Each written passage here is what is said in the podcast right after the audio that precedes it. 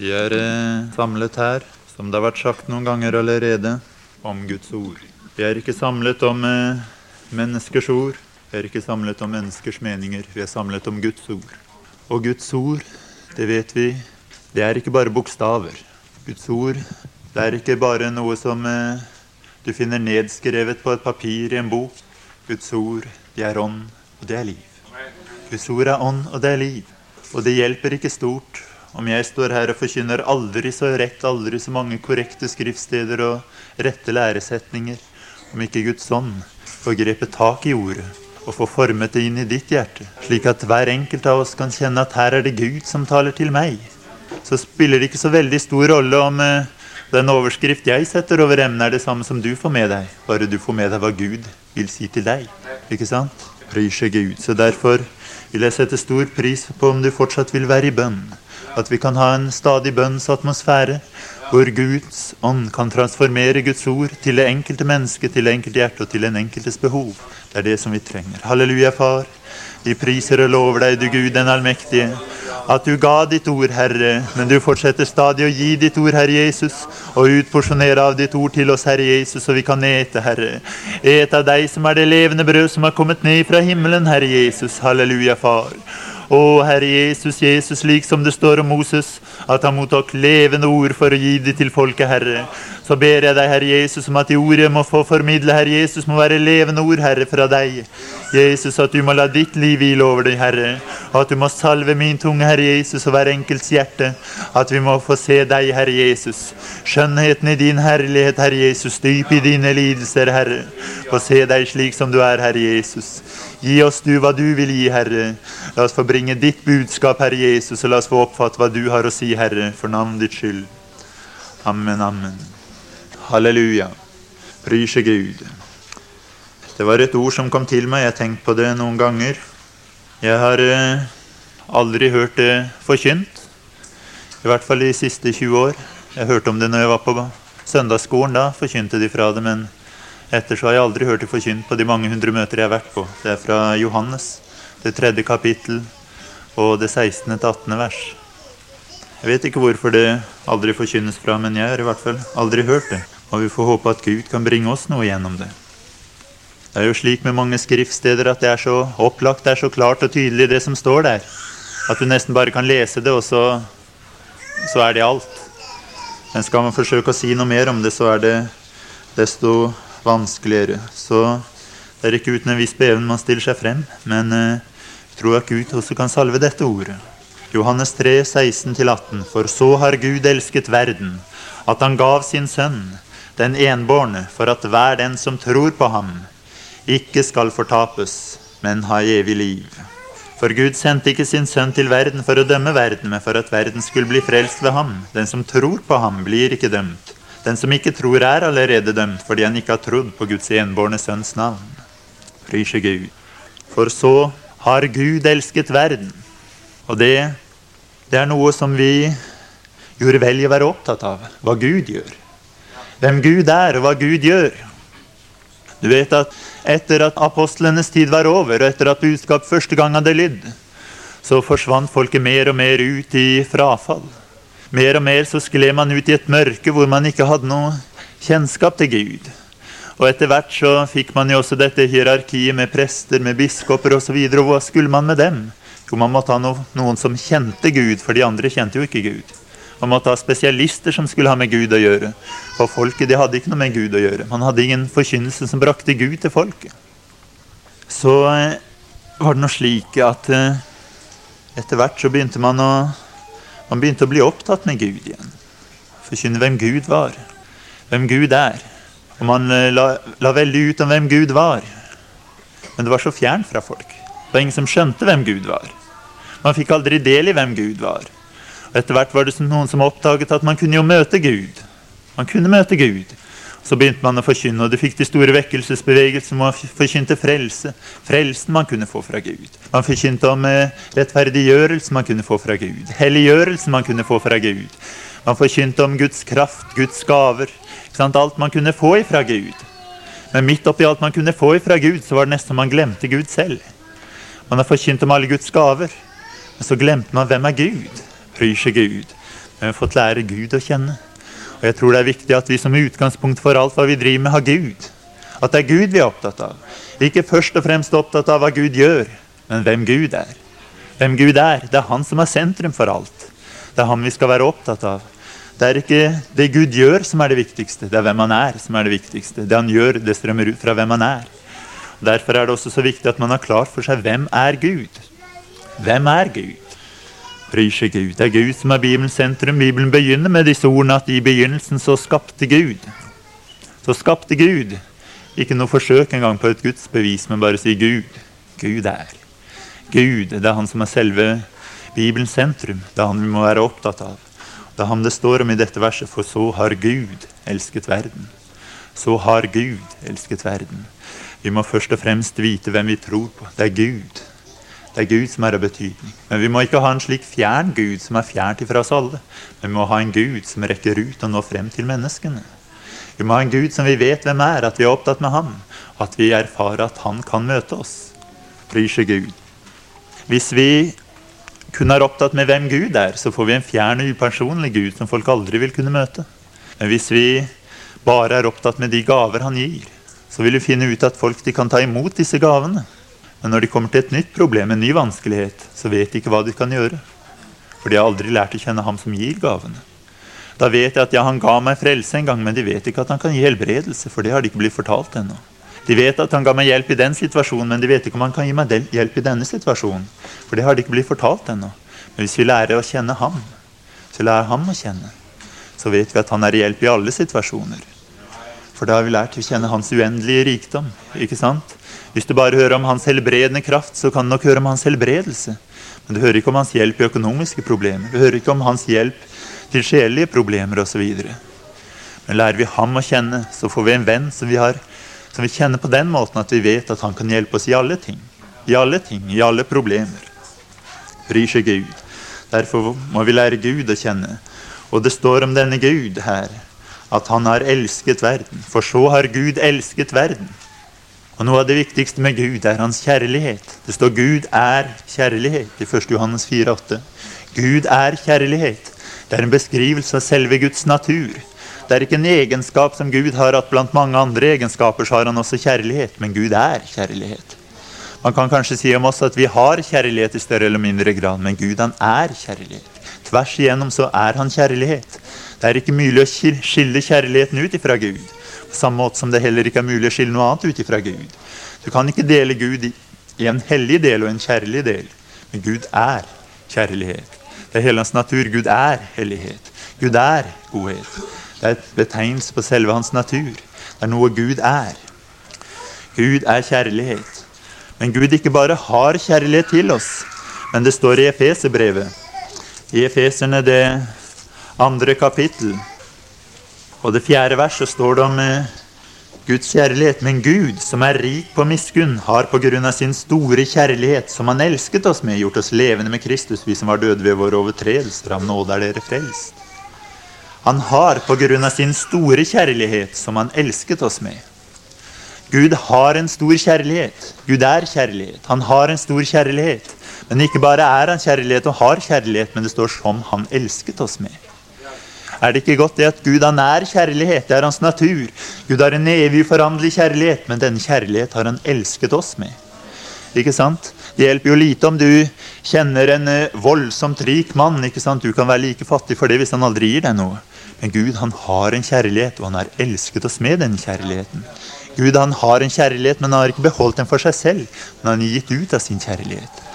Så har Gud elsket verden at han gav. Han gav av sin kjærlighet. Han har en kjærlighet som han har elsket oss med. Det står at Gud er elsket. Ikke bare at han har kjærlighet, men Gud er elsket. Elsket, det er kjærlighet satt i funksjon. Kjærlighet i seg selv det kan nok være pent å se på, hadde jeg nær sagt. Pent å høre om. Det kan være godt å høre om det. Men det hjelper oss lite. Men når det står 'elsket', så vet vi at denne kjærligheten den griper ut og griper tak i oss. Gud har en kjærlighet som han ikke bare eier, og som han ikke bare har, men som han rekker ut til oss med. Prise Gud. Guds kjærlighet den er ikke hos Gud, men den kommer som et håndtrykk ned til oss mennesker. For så har Gud elsket verden. Gud har elsket verden, Gud har elsket oss, Gud har elsket deg og meg. For det står for at vær den Vær den. Ja, Gud elsket meg, han har elsket meg. Har han elsket deg, han har elsket deg. Han har elsket hver den. Gud, han har sin kjærlighet, og den uendelige kjærlighet som er selve Guds egen natur, den har han elsket oss med. Det er ikke bare en liten kjærlighet han har elsket oss med, men Gud er kjærlighet. Gud er kjærlighet. Så hvis du ser Gud i all hans allvitenhet, all hans allmakt, all hans allesteds nærværelse, hvor du vet at du kan ikke dra noe sted fra hans åsyn, du kan ikke dra noe sted fra hans nærhet, ikke sant, om du tar på deg morgenrødens vinger og vil bo ved havets ytterste grense, så finner også der din hånd meg. Da er han sånn også der. ikke sant? Om du reder ditt leie i dødsriket, så er heller ikke det mørkt for ham. Så er det heller ikke det langt borte fram. Samme hvor du går, så vet du at Gud er der. Gud er der, Gud er overalt. Hvis du ser rundt deg, så vil du se det fins ikke en eneste ting du kan se som ikke Gud har skapt. Gud han har all makt i himmel og på jord. Han har skapt alt som er. Alt som finnes, alt du kan se, fra det minste støvkorn til de største galakser, det er skapt av ham. Og han, denne Gud, han er kjærlighet. I all sin allmakt så er han kjærlighet. I all sin allvitenhet så er han kjærlighet. I all sin allestedsnærværelse er han kjærlighet. I all sin visdom, all sin kraft så er han kjærlighet. Og denne kjærligheten har han elsket oss med. Det er ingen liten kjærlighet han elsket oss med, men han elsket oss med en uendelig kjærlighet. Derfor så står det i Jeremias 31,3 og vi kan eh, slå det opp her. Jeremias 31 og eh, det tredje vers. Fra det fjerne har Herren åpenbart seg for meg. Ja, med evig kjærlighet har jeg elsket deg, derfor har jeg latt min miskunn mot deg vare ved. Fra det fjerne har Herren åpenbart seg for meg. Du kan si Gud, han er i himmelen. Kan det føles fjernt borte, men det står han har åpenbart seg. Han har åpenbart seg for meg, og så sier han ja, med evig kjærlighet har jeg elsket deg. Med evig kjærlighet har jeg elsket deg. Guds kjærlighet den er ikke bare uendelig stor, men det er også uendelig i tidsmessig utstrekning. Med evig kjærlighet har jeg elsket deg. Når var det Gud begynte å elske oss? Han elsket oss med evig kjærlighet. Men han begynte vel å elske meg sist uke, da jeg begynte å oppføre meg ekstra fint med tanke på at nå skal jeg snart på stevne, så da får jeg liksom bygge meg opp litt. Nei, det var ikke da han begynte å elske deg. Ja, Han begynte vel å elske meg den gang jeg bøyde mine knær og ropte til Gud om forlatelse for min synd. Var det ikke da han begynte å elske meg? Nei, det var ikke da han begynte å elske oss heller. Ja, Han elsket meg vel da, da jeg ble født, da jeg ble dannet i min mors liv. ikke sant? Han så meg og så de muligheter som jeg hadde. Nei, det var ikke da han begynte å elske oss. Men med en evig kjærlighet har han elsket oss. Med en evig kjærlighet. Denne kjærlighet har ingen begynnelse, det er en evig kjærlighet. Så hvis du lurer på om Gud har elsket deg, så er det i grunnen et spørsmål du kom med altfor sent. Han har elsket deg mye lenger enn du har levd. Det er ikke noe du kan få gjort med det, for med en evig kjærlighet har han elsket oss. Med en evig kjærlighet. Ja, men blir det noe slutt på denne kjærligheten? Nei, det blir ikke slutt på denne kjærligheten hvis det er en evig kjærlighet. Prise Gud. Det er en kjærlighet som går over enhver grense. Det er en evig kjærlighet som Gud har til en enkelt av oss. Med en evig kjærlighet har han elsket oss. Og det er dette vi må huske på, det er dette vi må ha som en grunnvoll. At Guds kjærlighet den er evig. Den er ikke bygd på noe som jeg kan gjøre. Den er ikke bygd på noe som jeg kan få til. Det er en evig kjærlighet. Lenge før jeg ble født, ja, lenge før selve verden ble skapt, så hadde Gud en kjærlighet til meg. Og den kjærlighet, den er evig. Den kjærlighet, er evig. Den blir aldri slutt på. Den forandrer seg aldri, fordi den er evig. Hadde Guds kjærlighet begynt på et bestemt stadium av vårt liv, så kunne man nok si at ja, Guds kjærlighet den kommer når jeg er slik, og så forsvinner den når jeg er slik. Og så kan den stige og vokse og synke i styrke. At noen ganger elsker han meg ekstra mye, og andre ganger så elsker han meg bare litt. Men det er ikke slik med Guds kjærlighet. og Guds kjærlighet er evig. Og hvis Guds kjærlighet er evig, så må det bety at Guds kjærlighet er den samme hver eneste dag. Prise Gud for Guds kjærlighet. Når han elsket meg før verdens grunnvoll ble lagt, så må han elske meg like mye nå. Det kan ikke ha forandret seg noe, det. Hvis han begynte å elske meg på et bestemt tidspunkt, så kunne det forandre seg. Men når han med en evig kjærlighet har elsket meg, da forandrer ikke hans kjærlighet seg. Men mitt forhold til Gud kan nok forandre seg. Men det er ikke pga. at Gud har endret sin kjærlighet. Det som ligger til grunnlag for Guds handling, er hele tiden hans evig uforanderlige kjærlighet. Skal vi komme til Gud, så må vi komme til ham som han er. Vi må vite hvordan han er. Du må ikke tro at Gud er annerledes, at Gud han begynner å elske meg hvis jeg oppfører meg ekstra fint. Så nå har jeg gjort noe galt, så da må jeg forsøke å opparbeide meg gode gjerninger til jeg blir så og så god, og så kan jeg snakke med Gud. Det er ikke slik, for Guds kjærlighet er evig. Guds kjærlighet den begynner ikke når vi har fått oppsamla et visst mål med gode gjerninger, men den er evig. Den er evig. Derfor så står det at den som bekjenner sine synder? Dersom vi bekjenner våre synder, så er Han trofast og rettferdig, så Han forlater oss synd og renser oss fra all urettferdighet. Dersom vi bekjenner våre synder, ikke dersom vi forsøker etter beste evne å gjøre godt igjen. Ikke dersom vi har gjort så og så mange gode gjerninger. Ikke sant? Det er vel er det ikke Per Gynt som på slutten av sitt liv forteller at ja, riktignok har han vært nokså ille. Han var skipsfører og drev og fraktet slaver til Amerika, men til gjengjeld så frakta han misjonærer tilbake igjen, så han mente det gikk opp i opp. Og det er mange som har den holdninga at jeg, jeg har jo gjort litt galt, men jeg har jo også gjort litt godt, så det går vel kanskje opp i opp. Men Gud han måler ikke på den planet. Gud han elsker med en evig kjærlighet. Og Det er dette vi kan komme til Gud på på grunn av hans evige kjærlighet. Derfor så må vi også fullstendig gi opp våre egne gjerninger som en måte å komme til Gud på. Men vi kommer til Gud på den måten som Han har bestemt, nemlig at vi kan bekjenne våre synder. Så er Han trofast og rettferdig og forlater oss syndene. Ikke på grunnlag av noe vi har gjort, men på grunnlag av sin evige kjærlighet. Ut fra sitt ord på grunnlag av Jesu Kristi verk. Pryse Gud. Med en evig kjærlighet har jeg elsket deg. Derfor har jeg latt min miskunn mot deg vare ved. Har du noen gang lurt på hvorfor Guds miskunn mot deg varer ved? Det er fordi Hans kjærlighet er evig. Det er fordi hans kjærlighet avhenger ikke av forandringer i tid og sted og vær og temperatur. Hans kjærlighet den er evig. Hans kjærlighet er evig, derfor er hans miskunnhet den samme. Prise Gud, vår frelse den er helt og fullt basert på hvem Gud er. Den er helt og fullt basert på hvem Gud er. Det står, Vi kan slå opp i Malakias, det er tredje kapittel og det sjette vers. Og Jeg vil at du skal merke deg dette verset meget godt. Det står her Jeg, Herren, har ikke forandret meg. Og dere, Jakobs barn, er ikke tilintetgjort. Malakias 3,6. Jeg, Herren, har ikke forandret meg, og dere er ikke tilintetgjort. Hvorfor er ikke vi tilintetgjort? Fordi Han ikke har forandret seg. Ikke fordi vi ikke har forandret oss, for med oss har det nok gått opp og ned mange ganger, men Han har ikke forandret seg. Han er den samme, og det er Han som er vår frelses grunnvoll. Prise Gud. Og så lenge Han ikke forandrer seg, så står vår frelse fast. Så lenge Han ikke forandrer seg, så kan vi hvile trygg i det verk Gud har gjort. Og hvor lenge er det at Han ikke forandrer seg? Jo, han sier 'jeg har ikke forandret meg'. Da kommer han til å gjøre det i fremtiden. Nei, det står at Jesus Kristus er i går, i dag den samme. Jeg forblir det inntil evig tid. Inntil evig tid. Så han har ikke forandret seg, han kommer ikke til å forandre seg. Men prise Gud. Inntil evig tid er han den samme. Og derfor så står det 'er vi ikke tilintetgjort'. Og derfor så kan vi hvile trygt i at han som begynte den gode gjerning i oss, han vil fullføre den inntil Jesu Kristi dag. Han vil fullføre den, fordi det er basert på hvem han er. Hvem han er, Så vi kan kunne hvile trygt i hvem Jesus Kristus er. Bryr seg Gud. Når vi ser Gud, hvem han er, så får vi en trygg og sikker grunn for vår frelse.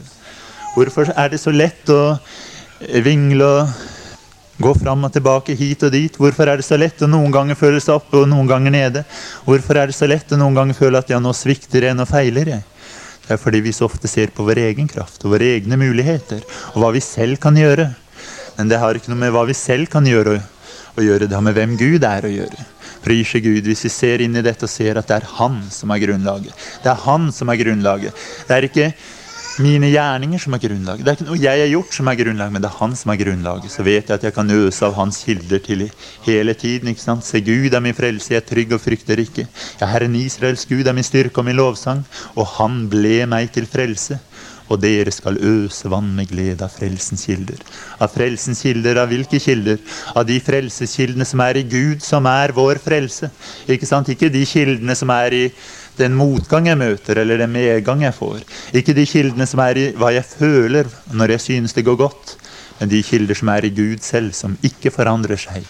Og derfor er vi ikke tilintetgjort. Derfor så går vi frem. Derfor så har vi seier. Derfor så opplever vi Han er med, fordi Han ikke forandrer seg.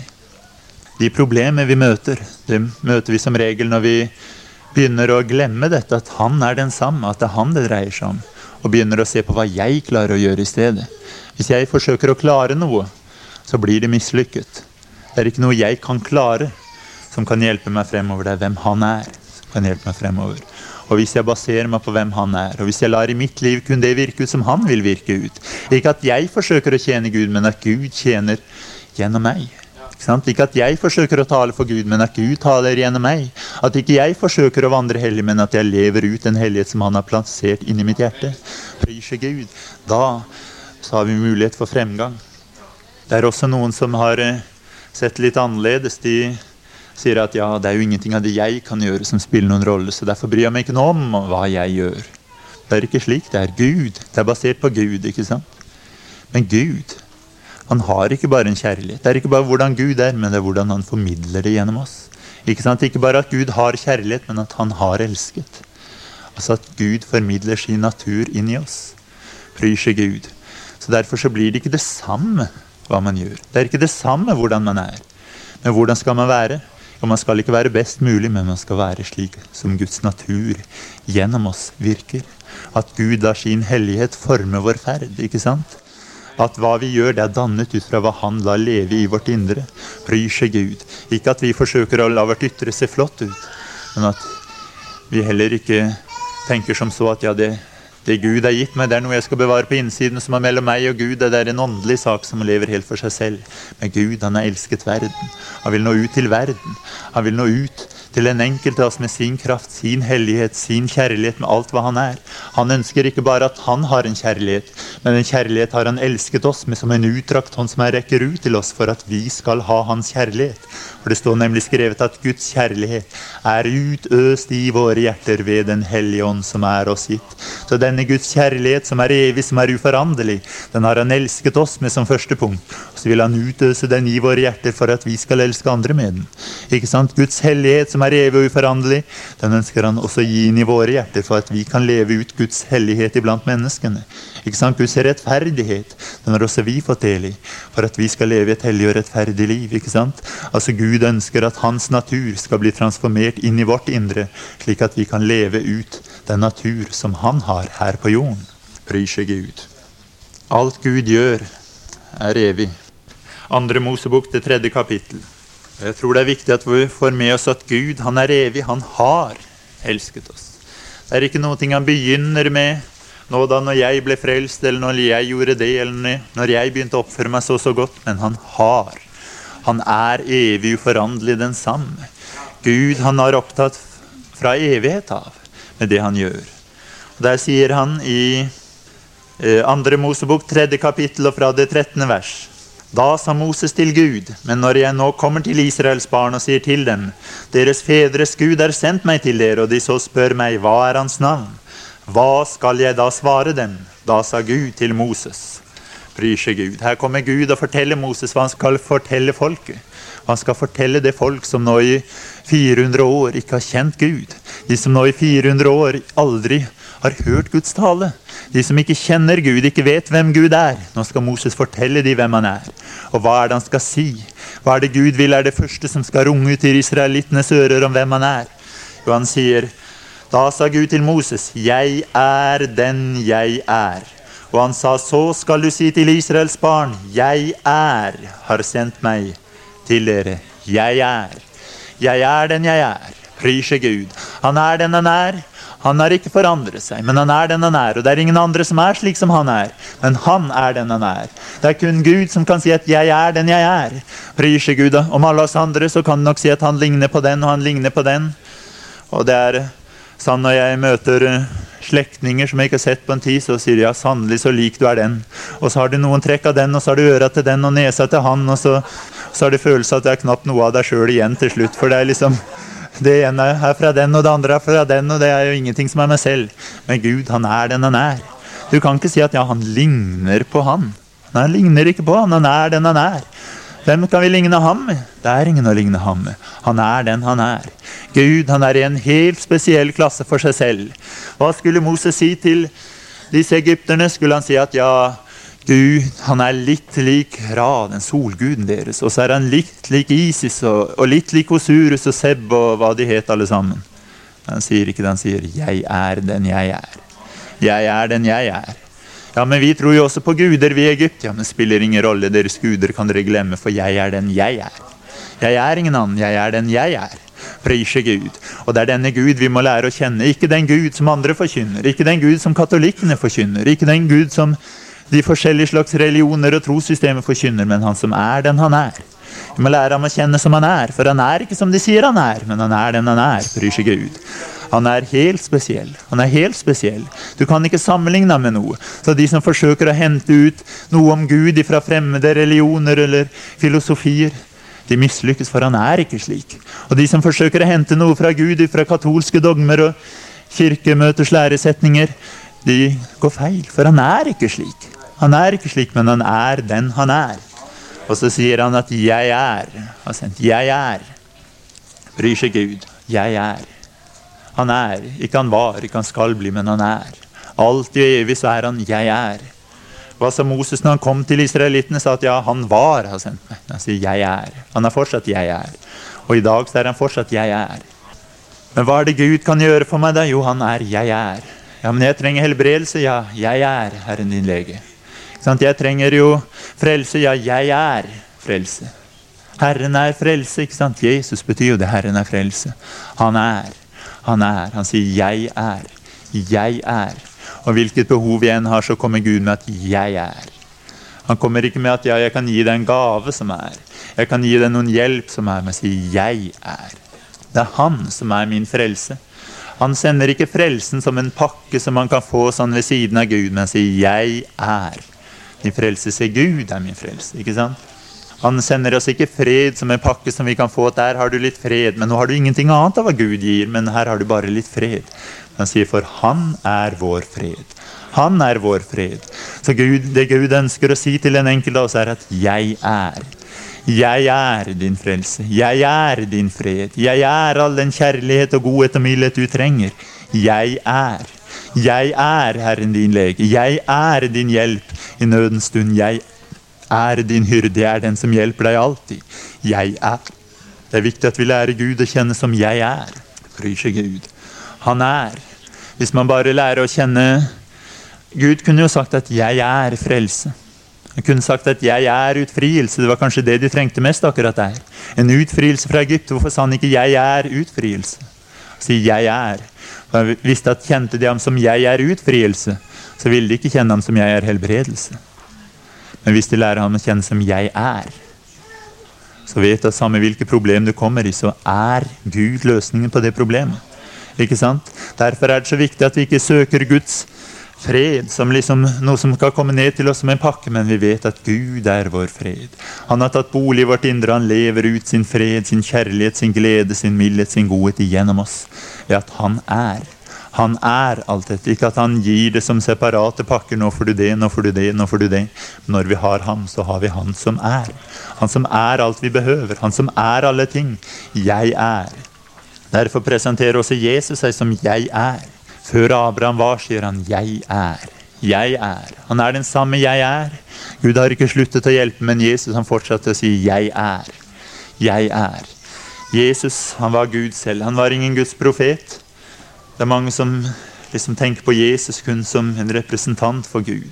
Men mens profetene kom og sa 'så sier Herren', så kommer Jesus og sier 'så sier jeg'. Halleluja. Dere har hørt det jeg har sagt, men jeg, sier dere.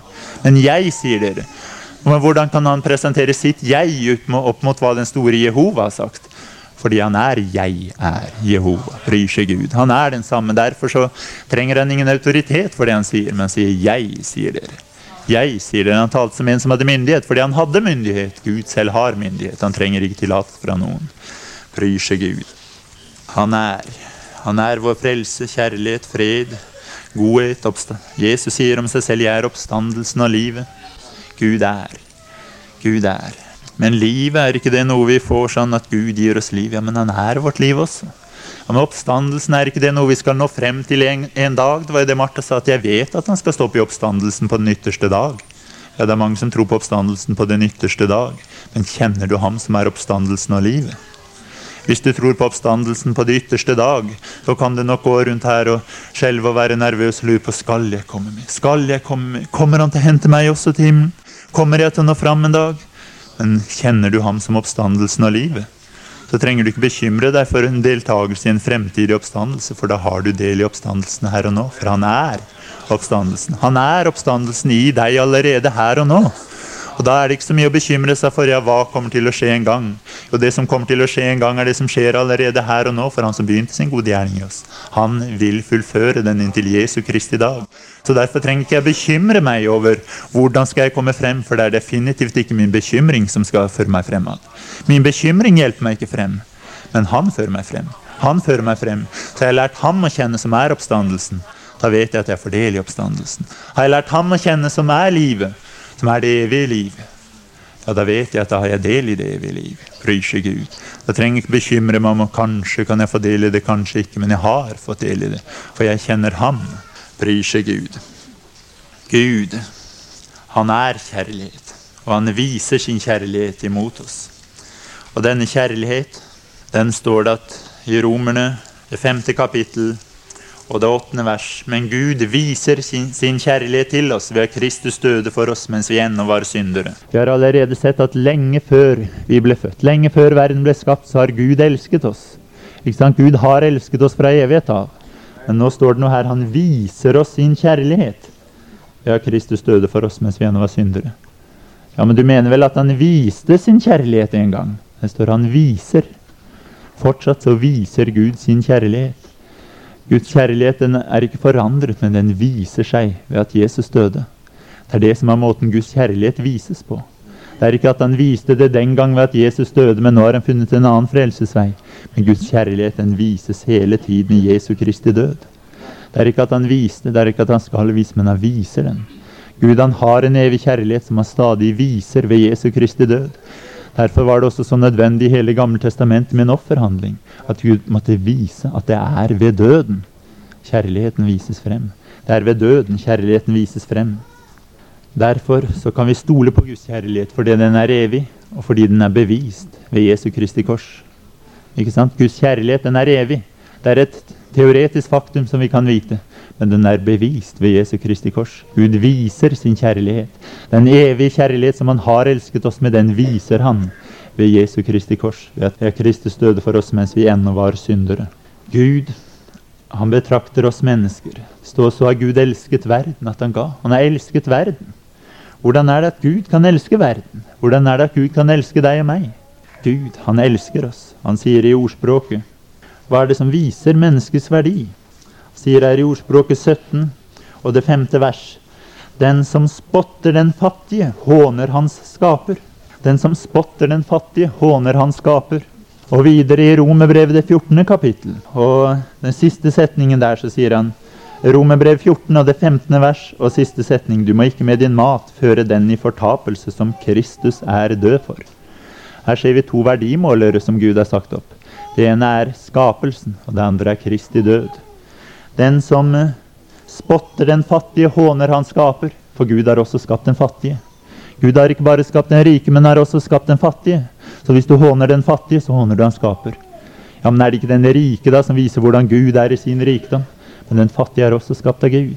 Ikke sant? Vår verdi den er ikke basert på vår rikdom eller vår skjønnhet eller vår viten eller kunnskap eller intelligens eller innflytelse i samfunn eller noe. Den er basert på Gud har skapt oss. Kristus døde for oss og ved den som forsøker å si at vi da ikke er noe verdt. Når Gud sier at vi er Når Gud først så tok han og skapte oss, tror du Gud ville lage noe som ikke var noe verdt? Tror du Gud ville lage noe som bare var å kastes bort? Noe som ikke var noe verdt, noe som kunne ødelegges uten videre? Gud hadde ikke skapt noe slik. Gud han skapte oss, deri ligger vår verdi. Derfor den som spotter den fattige, håner han skaper. For Gud har skapt hver enkelt av oss. Hver enkelt av oss har Gud skapt med en uendelig verdi. Og for å virkelig slå fast at vi betyr noe for Gud, så står det ved at den som Kristus er død for. Kristus han var villig til å dø for meg. Kan hende ikke du ville vært villig til å dø for meg, men Kristus var det. Kan hende ikke du syns jeg er noe verdt, men Kristus syns det. Han døde for meg. Så døde han for deg. Så kan hende andre ikke synes du er noe særlig, men han døde for deg. Bryr seg Gud. Så har Jesus sagt at du er verdifull. Så spiller det ingen rolle hva andre synes, men han har sagt det. Han har skapt deg. Og for virkelig å bekrefte den verdi du har, så var han villig til å dø for deg. Så har Gud elsket verden at han gav sin sønn den enbårne. Gud har elsket oss med en kjærlighet som var villig til å gi. Han har bevist sin kjærlighet ved den gave han gav.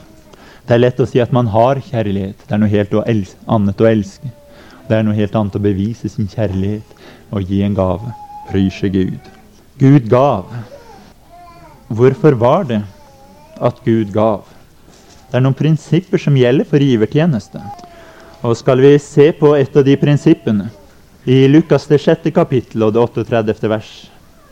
For det Gud har sagt om givertjeneste, gjelder for all givertjeneste. Så når Gud gir, så gjelder også det han har sagt for hans egen givertjeneste. Der står det Gi, så skal det bli gitt dere. Et godt mål, stappet, ristet, overfylt, skal bli gitt dere i fanget. For med samme mål som dere har målt med, skal det måles igjen til dere. Her ser vi altså at givertjeneste er noe du gir ut, og så får du noe igjen. For slik visste også Gud at for å vinne seg et folk, så måtte han gi noe. Hva var det Gud gav? Gud gav. ikke sant? Han ga sin sønn, han ga sitt liv. Og det han ønsker å få tilbake, er mange sønner, for med det samme mål så får vi igjen. Så han ga sin sønn for at han skal få mange sønner igjen. Han ga sitt liv for at resultatet skulle bli mange sønner som har hans liv igjen. ikke sant? Så Gud han ga ut noe for å få det igjen i overflod. På samme måte som du sår et korn, ikke sant? og så opplever du at du får høste mange korn. Slik ønsket også Gud å så ut sin sønn for å kunne høste mange sønner som skulle leve ut hans vilje her på jorden. Jesus sier at 'Se, jeg kommer'. I bokrullen står det skrevet om ham for å gjøre Gud din vilje. Ikke sant? Og det Gud ønsket, er å få et folk som gjør hans vilje. Et folk som gjør hans vilje. Derfor ga han sin sønn, som gjør hans vilje, for at han kan høste mange sønner som kan manifestere Guds vilje her på jorden. Han ga sitt liv for at han kan høste et folk som kan manifestere Guds liv her på jorden. Bryr seg Gud. Men hvordan er det så med denne givertjenesten? Hvordan er det man gir? Det er jo veldig populært å sitere dette skriftstedet hvis man sier at ja, Jesus er Gud. Så sier de at ha-ha-ha, se her, det står 'Gud ga sin sønn'. Der ser du der to. Gud ga sin sønn. Har du hørt det? Skal godt gjøres å ikke høre det hvis du snakker med noen. Men eh, hva er kjærlighet? Hvordan opptrer kjærlighet? Hvordan er det kjærligheten gir? Sånn, Vi hadde nok kanskje gitt noen andre i stedet for oss selv, men hvordan er kjærligheten? Hvis vi slår opp i Johannes evangeliet, det 15. kapittel, og eh, det 13. vers, så står det litt om kjærligheten. Ingen har større kjærlighet enn denne. Ingen har større kjærlighet enn denne. Her kommer en beskrivelse av den største kjærlighet. Og hvis Gud sier at ingen har større kjærlighet enn denne, så får vi vel være enige med hva Gud sier. Vi kan ikke lage vår egen definisjon av kjærlighet og si at ja, jeg mener at den største kjærlighet det er. Gud har sagt hva den største kjærlighet er. Og hvis vi tror at Gud har den største kjærlighet, så har han den kjærlighet som det står om her. For det står at ingen har større kjærlighet enn denne. Så hvis vi mener at noen kjærlighet er større enn denne, hvis vi mener at Gud har en annen kjærlighet, så har han ikke den største kjærlighet. Og hva står det om denne større kjærlighet? Jo, ingen har større kjærlighet enn denne, at han setter sitt liv til for sine venner. Så den måten kjærligheten gir på, er å sette sitt liv til for sine venner. Ikke sette noen andres liv til, men å sette sitt eget liv til. Så har Gud elsket verden at han ga seg selv. ikke sant? Han setter sitt liv til for sine venner. Men eh, når man gir, hva er det da man gir? Jo, man gir av det man har. ikke sant? Man gir av sine midler. Man gir av sine penger. Han gir, kan gi gjestfrihet, kjærlighet, godhet, mange ting man kan gi. Men i andre Korinterbrev, det åttende kapittelet, så kommer Paulus med en mer inngående analyse av hva kjærlighet er for noe, og hvordan den gir. En ekte givertjeneste, hva består den i? Består den i at du gir din tiende? Eller består den kanskje i at du gir alt hva du eier? En eh, riktig givertjeneste den består i noe litt annet. Det står her i ja, Vi kan bare ta det femte verset i det åttende kapittelet i andre Korinterbrev. Og de gav ikke bare slik vi hadde håpet, men de gav seg selv først. De gav seg selv først. Men var ikke Paulus ute for å samle inn penger, da? Jo, men de gav seg selv først. Det er det som er givertjeneste, at man gir seg selv først. Alt annet slags givertjeneste hvor du gir noe annet først, det er bare en slags avlat hvor man forsøker å kjøpe seg fri fra et eller annet. Det er mange mennesker, hvis du snakker med dem om å gi, så sier de 'Å ja, jeg gir min tiende, så du trenger ikke snakke til meg' Hva er det de gir liksom en avlat for å liksom kjøpe seg fri fra Guds vrede. At de, 'nå har jeg gitt, så nå er det ingen som har noe å si'. Men slik er det ikke med de som kjenner en bibelsk givertjeneste, for de har gitt seg selv først. De har gitt seg selv først. Og alt annet de gir, det kommer som et naturlig resultat av at man har gitt seg selv først. Ikke sant? Hvis jeg har gitt meg selv til Gud, ja, da tilhører jo jeg Gud med alt hva jeg eier og har. Og da kan Gud bare bruke av hva jeg har. Og om han vil ta tienden av hva jeg har, ja vel, så gjør han det. Om han vil ta mer, så gjør han det. Om han vil ta alt jeg har, så gjør han det. Og du protesterer ikke på det, for du har allerede gitt deg selv til Gud. Det er det som er givertjeneste, at man gir seg selv først. Ikke sant? Og etter å ha gitt seg selv, så kan man gi alt det andre man har. Men man gir seg selv først. Hvordan er det så Gud gir? Jo, han gir seg selv. Gud gir seg selv. Har Gud noen mindre kjærlighet enn hva korinterne hadde? Har ikke Gud forstått givertjenesten like godt som korinterne? Jo, han har forstått det like godt. Han gir seg selv først. Det er det som er prinsippene for en bibelsk givertjeneste, at du gir deg selv. Gir deg selv. Slik tok også Gud og ga seg selv først. Ikke sant? Derfor så står det i Efeserne 5 og det 25. vers ikke sant? Like som også Kristus elsket menigheten og gav seg selv for den. Han gav seg selv. Det vil si, han ga seg selv. Han ga seg selv først. Han elsket, og han gav. Men så er det kanskje lettere å huske det der med 3.16, så da kan vi ta 1. Johannes 3.16. For eh, hvis Johannes 3.16 er sann, så må vel 1. Johannes 3.16 også være sann. Og hva er det det står der? Det er jo en samme Johannes som har skrevet det, i samme kapittel og samme vers. Til og med, selv om ikke han skrev kapitlene og versene. Da, men så står det der På dette har vi lært kjærligheten å kjenne at Han satte livet til for oss. Ikke at Gud satte livet til Sønnen til, men Han satte livet til for oss. Han satte livet til. Så Gud gav. Og den bibelske givertjeneste det er at når man gir, så gir man seg selv. Men eh, hvordan kan det da stå at han gav sin sønn, den enbårne? Jo, fordi at sønnen er ikke noen annen enn ham selv. Sønnen er ikke noen annen enn ham selv. Når vi leser om sønn i Bibelen, så må vi ikke ta det slik som man bruker det her hos oss i dag. Vi må jo bruke det på den måten som Bibelen bruker det. Ikke sant? Når det står om Jesus at han er Abrahams sønn, Davids sønn, ville vi sagt det på den måten. Vi ville sagt at han var en etterkommer av Abraham. Han var en eh, langt ned i slekta fra David. Men Bibelen sier at han er Abrahams sønn. Han er Davids sønn. Hva betyr det? Det betyr ikke at David var faren hans.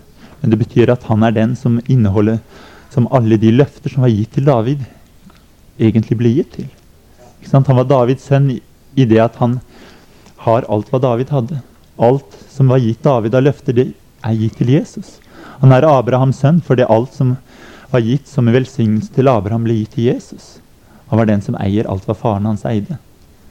Det er på den måten han er Davids sønn. Det er på den måten han er Abrahams sønn. Bryr seg Gud. Derfor kan vi også se i Hvis vi bare slår opp i Salme 72, kan vi se på et lite vers her. Salme 72, fra det første verset. Gud altså Det står Salme 72 fra vers 1 av Salomo. Gud, gi kongen din rettferdighet og kongesønnen din rett. Her står det om en konge og en kongesønn. Er det så to forskjellige at kongen skal få rettferdighet og kongesønnen skal få rett?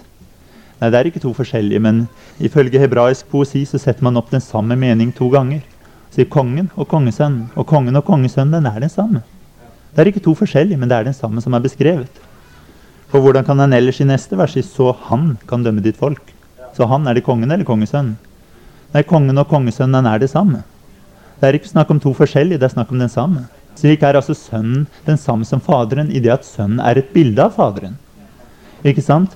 Derfor så står det om Jesus i hebreerne, det første kapittelet, hvilket vi vel kan ta som en definisjon av hva det er å være sønn.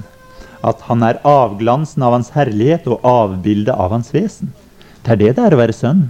Det er å være avglansen av hans herlighet, avbildet av hans vesen bryr seg Gud i Johannes evangeliet, det første kapittel.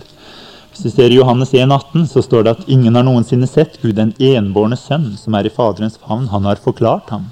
Han ord, sønn er forklaringen av Faderen. Sønn er åpenbaringen av Faderen. Sønn er ingen annen enn Faderen. Derfor så står det at de ga seg selv først. Gud han ga seg selv. Han elsket menigheten og ga seg selv for den. Fordi han ga sin sønn. Han ga seg selv i åpenbarelse. Like som Abraham. ikke sant? Abraham han ga seg selv alle løfter som var gitt til Abraham. De lå i sønnen. Alle løfter som var gitt til Abraham, de lå i sønnen. Han hadde løfter om ikke sant, hans ett etter ham. Deg og din ett. Det lå i sønnen. Derfor når han ofret sønn, så ofret han alle løfter som gjaldt ham selv. Ikke sant? Slik er også sønn den som bærer i seg alt som ligger i Faderen. Ingen har noensinne sett Gud, den enbårne sønn, som er i Faderens skjød. Han har forklart ham. Han har forklart ham. Han har åpenbart ham. Hvem har han åpenbart? Har han åpenbart den evige sønn? Har han åpenbart den evige Fader? Han har åpenbart ham. Bryr seg Gud. Han har ikke åpenbart seg selv i den forstand at sønnen skulle åpenbare noen andre enn Faderen. Men han har åpenbart seg selv, for enhver av oss åpenbarer jo oss selv. Og det vi ser, det er Faderen i Jesus, fordi Faderen er i Sønnen. Gud i Kristus forlikte verden med seg selv så har Gud elsket verden at han gav sin sønn. Gud gav, og det han gav, var åpenbarelsen av seg selv. Han ga seg selv for verden. Derfor så står det også i apostelgjerningen i 20 Og det 28. verset. Så gi det akt på dere selv og på hele jorden som Den hellige ånd har satt dere som tilsynsmenn for, for at dere skulle vokte Guds menighet, som Han vant seg med sitt eget blod. Med sitt eget blod. Som Han vant seg med sitt eget blod. Så Gud vant seg sønnen med sitt eget blod. Ikke sant? Det står at Gud gav sin sønn. Jeg skjønner egentlig ikke helt åssen de tenker på det som uh, derfor innen treenighet at det er den ene som gir den andre. For i så tilfelle måtte det være Faderen som ga sønnen. Det står at Gud ga sin sønn. Men er Jesus Gud, da? Ja, Jesus er jo Gud, sier de. Ja, men da var det jo Gud som ga seg selv, eller Jeg vet ikke helt hva de tenker med det der. Men hvis Gud gav sin sønn, og hvis sønnen er Gud sønnen, så må jo Gud sønnen gitt seg selv som Jeg får ikke det helt til å stemme, men de har kanskje ikke tenkt så langt. Jeg vet ikke. Men uh, Løsningen på det er jo da å si at Faderen er Gud, men Sønnen er ikke fullt så mye Gud. Men eh, de vil jo ikke si det heller, så det er ikke Det blir veldig spesielt. Det er veldig mange skriftsteder som eh, alskens treningslærer griper tak i og sier her viser det klart at det er en treenighet. Men hvis du forsøker å plassere en treenighet inn i det, så blir det så absolutt ikke lettere. Og hva er vitsen med å finne opp en hel masse ekstra personer for å gjøre det lettere, når det allikevel ikke blir noe lettere? Det er ikke lett, det her. Gud ga sin sønn. Det er noe interessant her, og det skal jeg ikke komme så veldig mye inn på, men det står at Gud ga sin sønn. Det står ikke at Gud fødte sin sønn, men Gud ga sin sønn. Det å gi er forbundet med sønnen. Det å gi, det å sende. Derfor står det at et barn er oss født, en sønn er oss gitt. Det står ikke at et barn er oss gitt, en sønn er oss født, men det står at et barn er oss født, en sønn er oss gitt. Han skal kalles under rådgiver, veldig Gud, evig Fader, fredsfyrste. Han er gitt som sønn. Han er gitt som sønn. Han er ikke født av Faderen før all evighet av, men han er gitt som sønn. Han er født av en kvinne. Ja, men det står jo at uh, du er min sønn, jeg er født av i dag. Han er født i dag. Ikke før all evighet, da, men i dag så er han født av en kvinne født under loven. ikke sant? Det er der Gud er født. Er der Guds sønn er født. Som sønn så er han født av en kvinne. Han er ikke født av Gud som en slags jeg vet, ikke, jeg vet ikke. Jeg har aldri helt skjønt hvordan han skulle være født av Gud. Men iallfall så er han det ikke. Men han er gitt av Gud. Gud gav sin sønn. Et barn er oss født. Som menneske er han født. Etter sin guddommelighet så er han ikke født. Det er ikke her snakk om en uh, guddommelig født andre person. Men som barn er han født, og som sønn er han gitt. Bryr seg Gud. Og han er under rådgiver, veldig Gud, evig Fader, fredsfyrste. Det er uh, denne veldige Gud hvem er denne veldige Gud? Hvis du finner fram en bibelordbok og slår opp, så vil du se at Gud er omtalt som veldig Gud også i Jeremias. Enten i 10. eller 20. kapittel, tror jeg. Og Der står det hans navn er Jehova. Hans navn er Jehova. Bryr seg Gud. Dette med at uh, Gud gav sin sønn. Gud gav sin selvåpenbarelse. Han ga ingen andre sønn. Han ga ikke åpenbarelsen av noen andre, men han ga åpenbarelsen av seg selv. Gud han ønsket at de skulle se ham selv. Derfor er det sin sønn han ga. Sin sønn. Og derfor eh, Vi kan se litt på det fra et annet vers i eh, Esaias, det 40. kapittel. Der eh, profeterer jo Gud om denne røst som skulle rope i ørkenen. Og så står det der hva den skal rope. Så står det i det niende verset i Jesaja 40.: Stig opp på et høyt fjell, du Sions gledesbud, Oppløft din røst med kraft i Jerusalems gledesbud. Rop høyt, frykt ikke, si til Judas byer. Se, der er deres Gud. Se, der er deres Gud. Men hva var det Johannes ropte? Han skulle jo rope 'Se, der er deres Gud'. Men hva ropte han? Jo, det står i Johannes, det første kapittel og det 36. verset. Han fikk se Jesus som kom gående, så han 'Se, der Guds lam'. Se, der Guds lam. Ja, men skulle han ikke si 'Se, der er deres Gud'? Jo, men lammet var deres Gud. Ikke sant? Han sa 'se der, Guds lam'. Men i Jesaja så står det 'se der, deres Gud'. Andre ord 'se der, deres Gud, som er her som et lam'. Se der, deres Gud, som er kommet i lammet. Han ga sin sønn, ikke sant? Deres Gud i lammet.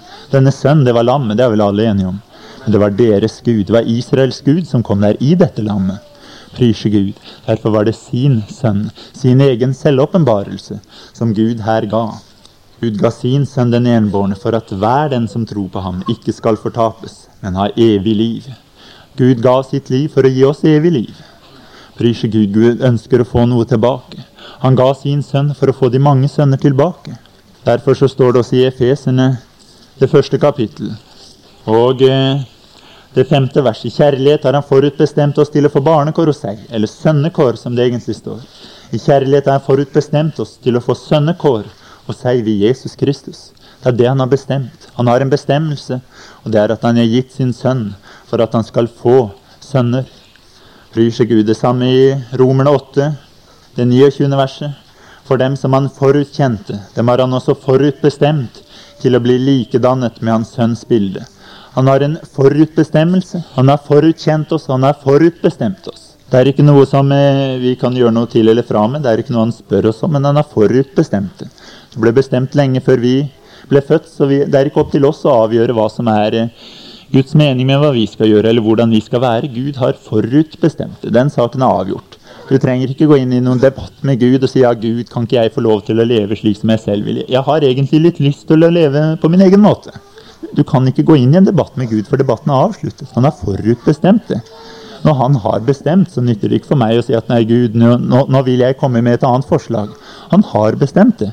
Hvis han skulle bestemme det en eller annen gang, så kunne vi alltids gå inn i en debatt med Gud og si at ja, jeg har et lite forslag. Men når han har forutbestemt det, så er saken avgjort er saken avgjort. Da trenger vi ikke debattere det mer. For den del av saken er avgjort. Han har forutbestemt oss til å bli likedannet med sin sønns bilde. Han har forutbestemt det. Vi har ikke tatt med på råd. Han, har, han vet selv hva som er best. Han har forutbestemt oss til å bli likedannet med sin sønns bilde. Bryr seg Gud. Så kan vi like det eller mislike det, men uh, vi gjør best i å gå med på Guds betingelse, for vi får ikke noe annet tilbud. Han har bestemt seg allerede, så den saken er grei. Ikke Det, det, nytter ikke for meg å skulle drive og debattere med Dovreekspressen om når jeg vil dra nordover. De spør meg ikke om når jeg drar. Den drar når den drar, og vil jeg være med, så får jeg være der når den drar. Og slik er det også med Guds bestemmelse. Det er forutbestemt. Han har sagt at sånn er det. Og vil jeg være med på hva Gud har bestemt, så får jeg være der Gud har bestemt at det skjer. Det nytter ikke for meg å skulle liksom Her kommer jeg, og her vil jeg bestemme. Gud den allmektige har bestemt. Det man forutkjente ja, men du skjønner det, Gud, at jeg, jeg er litt spesiell, jeg. Du kan ikke passe meg inn i de, de der planene dine, for jeg er litt spesiell. Du skjønner, jeg, jeg, kan ikke leve helt sånn som alle de andre, jeg, skjønner du. For hadde du kjent meg forutkjente Han kjente oss forut, så derfor er han bestemt forut. Ja, men jeg er slik. Jeg tror han kjenner deg litt bedre enn du gjør det. Kjenner deg selv i så tilfelle. Han har forutkjent oss. Ja, men du skjønner, jeg har den erfaring i løpet av mitt liv at ja, men Gud han kjente deg forut lenge før din erfaring. Du vet den erfaring du allerede har hatt. Hvilken erfaring har du av dagene som kommer? Det aner jo ingenting om det. Du bare kjenner deg selv slik som du har vært i din egen vilje og i ditt eget liv og din egen livsførsel etter hva du selv har lagt opp. Det er ikke å kjenne seg selv. Gud han har forut kjent deg. Så han vet åssen du egentlig er. Derfor så vet han at egentlig passer du perfekt til å bli likedan med hans sønnsbilde. Pryr Gud. Ja, men jeg, egentlig så syns ikke jeg at jeg tar meg ut hvis jeg skulle være slik som alle de andre. Nei, du skal være slik som hans sønn. Og det passer du til. Trenger ikke debattere med det, for det er en bestemmelse som er fattet på grunnlag av en kjennskap som han har. Ferdig med det. Og de, dem forutbestemt til å bli likedannet med hans sønns bilde. Likedannet med hans sønns bilde. Det var ikke noe Gud tar lett på. Det er ikke en bestemmelse som Gud tar, og så sier han at ja, nå får alle dere innordne dere etter min vilje. Det var en bestemmelse som kostet Gud noe. Som kostet Gud noe. Det kostet ham et liv her på jorden i fornedrelse, i forakt, i spott og hån. Det kostet ham noe. Det kostet ham å ligge i Getsemane så svettner han som blod. Det kostet ham noe. Det kostet ham en kamp så han var bedrøvet inntil døden. Det kostet ham noe. Det kostet ham å bli naglet til et kors. Han ble hånet, han ble spottet, han ble kledd av, han ble kledd i en purpurkappe. De slo ham, de dro hans skjegg. Det står at han var ikke som et menneske. Det kostet ham noe. Ja, Men det vil koste meg noe hvis jeg skal forsøke å bli likedannet med hans sønns bilde. Ja, så koster det deg noe. Hva er det det koster deg? Hva er det det koster deg? Hån og spott og forakt gjennom et helt liv, ja vel, det kostet til Jesus. Hva er det det koster deg? Blir du slept til et kors? Får du all verdens synd lagt på deg? Blir du det kostet Jesus noe. Kom ikke og si at det koster meg. Det kostet ham. Det er ham det kostet. Og alt dette var han villig til for at vi skal bli likedannet med hans sønns bilde. Du skjønner, Vi kan, kan, ikke bli likedannet med det bare ved at uh, vi forsøker å etterligne. Det går ikke. Du kan aldri etterligne ham. For at vi skal kunne bli likedannet med ham, så var det én ting som var nødvendig. Han måtte dø. Han måtte dø, sønnen måtte dø for at de mange sønner skulle komme igjen. Skulle Gud få seg mange sønner etter sitt bilde, så måtte sønnen dø. Uten at hvetekornet faller i jorden og dør, så blir det bare det ene korn. Men dersom det dør, så bærer det med egen frukt. Dersom det dør, derfor var Jesus villig til å dø, for at hans liv skal komme inn i den enkelte av oss. Det er han forutkjent, er han forutbestemt til å bli likedannet med bildet av den sønn som var her på jorden, og som døde, for at hans liv skal komme inn i de enkelte hvetekorn. Komme inn i deg og meg her i dag. Gud, han vil komme inn i oss. Han vil likedanne oss. Han vil at hans liv skal spire fram inni oss, slik at når mennesker ser oss, så vil de si at de der var da fabelaktig lik på Jesus. Hvem, hvem, er det som var slik? Jeg, jeg hørte om en som var slik en gang. Som var så god, så mild, så kjærlig, så rettferdig, så hellig, så ren som disse her. Hvem var det? Var det ikke Jesus han het? Var det ikke Jesus? Jeg tror jeg hørte om en som var slik. Gud han ønsker at man skal kjenne sin sønn igjen på oss. At vi blir likedannet med hans sønns bilde. Han døde for det. Han har åpnet veien for at vi skal komme inn dit. Det krevde en død. Hans død tok bort alt som vi har vært. Hans blod renser oss fra all synd. Og så har hans død også tilveiebrakt en mulighet for oss for å få delaktighet i den samme død. For det står at når menneskesønnen opphøys fra jorden, skal jeg trekke alle til meg. Trekke alle til meg. Når var det han gjorde det? Noen som forkynner at ja, når vi priser Gud, så trekker han alle til seg. Nei, ikke det det står om. Det er når han blir korsfestet. Han blir løftet opp på korset. Da trekker han alle til seg. Skal vi komme til ham, så må vi komme til ham der på korset. Der trekker han oss til seg. Der får vi del i hans korsdød. Så alle de vanskelige sider ved meg som ikke kan følge Guds vilje, de kan dø der på korset. De kan dø der på korset. Så kan de bli begravet med ham. Så kan de bli begravet med ham. Så kan jeg oppstå for å vandre i et nytt levnet, i det liv som han ønsker å la spire og gro fram inni meg. Det er det Gud ønsker med oss. Han gav sin sønn den enbårne for at hver den som tror på ham, ikke skal fortapes, men har evig liv. Evig liv. Det står ikke at han skal ha liv i evigheten, han skal ha evig liv. Evig liv, det begynner allerede her og nå. Han døde ikke for oss for at en gang når jeg dør, skal jeg gå til himmelen. Han døde for at vi skal ha evig liv. Evig liv her og nå. Akkurat nå ønsker Gud at hans liv skal virke i den enkelte av oss. Akkurat nå så ønsker Gud at hans liv skal manifesteres i ditt liv. Han ønsker ikke bare å gi deg et liv i himmelen, han ønsker å gi deg et liv her og nå. Han ønsker at vi her og nå skal leve Kristuslivet. Det er det som Gud ønsker. Han gir oss evig liv. Gud sendte ikke sin sønn til verden for å dømme verden men for at verden skulle bli frelst ved ham. Frelst, utfridd. Vi skal tas ut ifra alt som tilhører den gamle verden, og settes inn i en helt ny verden. Det er det Gud ønsker med oss. Det er derfor han var villig til å dø. Det er derfor Gud ga sin sønn. At vi skal bli likedannet med hans sønns bilde. Prysje Gud. Halleluja, halleluja. Det, det er mange sider ved Jesu død. Men ett vet vi. At han tok vår synd, den fjernet han ved sitt blod Og så vet vi at jeg er korsfestet med ham. Og så vet vi at like som Moses opphøyet slangen i ørkenen, slik som mennesket sønnen opphøyet. For at den slangegift som var sprøytet inn i oss, og som vil føre oss til døden, at det skulle fjernes bort ved hans død. For han kom i syndig kjøds lignelse og fordømte synden i kjødet. Han fordømte den. Vi trenger ikke lenger følge syndelegemet, for han har fordømt, han har drept bryr seg Gud ved sitt kors, så har han åpnet veien for oss til å leve i hans liv. Men det er et liv som ikke er basert på oss selv på noen måte. Det er basert på hvem han er. Se, Gud er min frelse. Se, Gud er min frelse.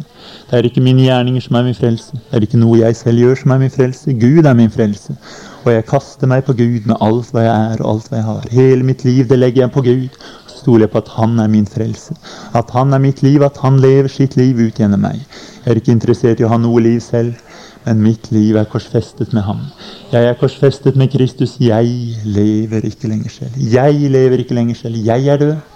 Jeg er død, jeg er korsfestet, men Kristus lever i meg. Han er mitt liv, han er min frelse. Han er alt hva jeg behøver, alt hva jeg trenger. Amen.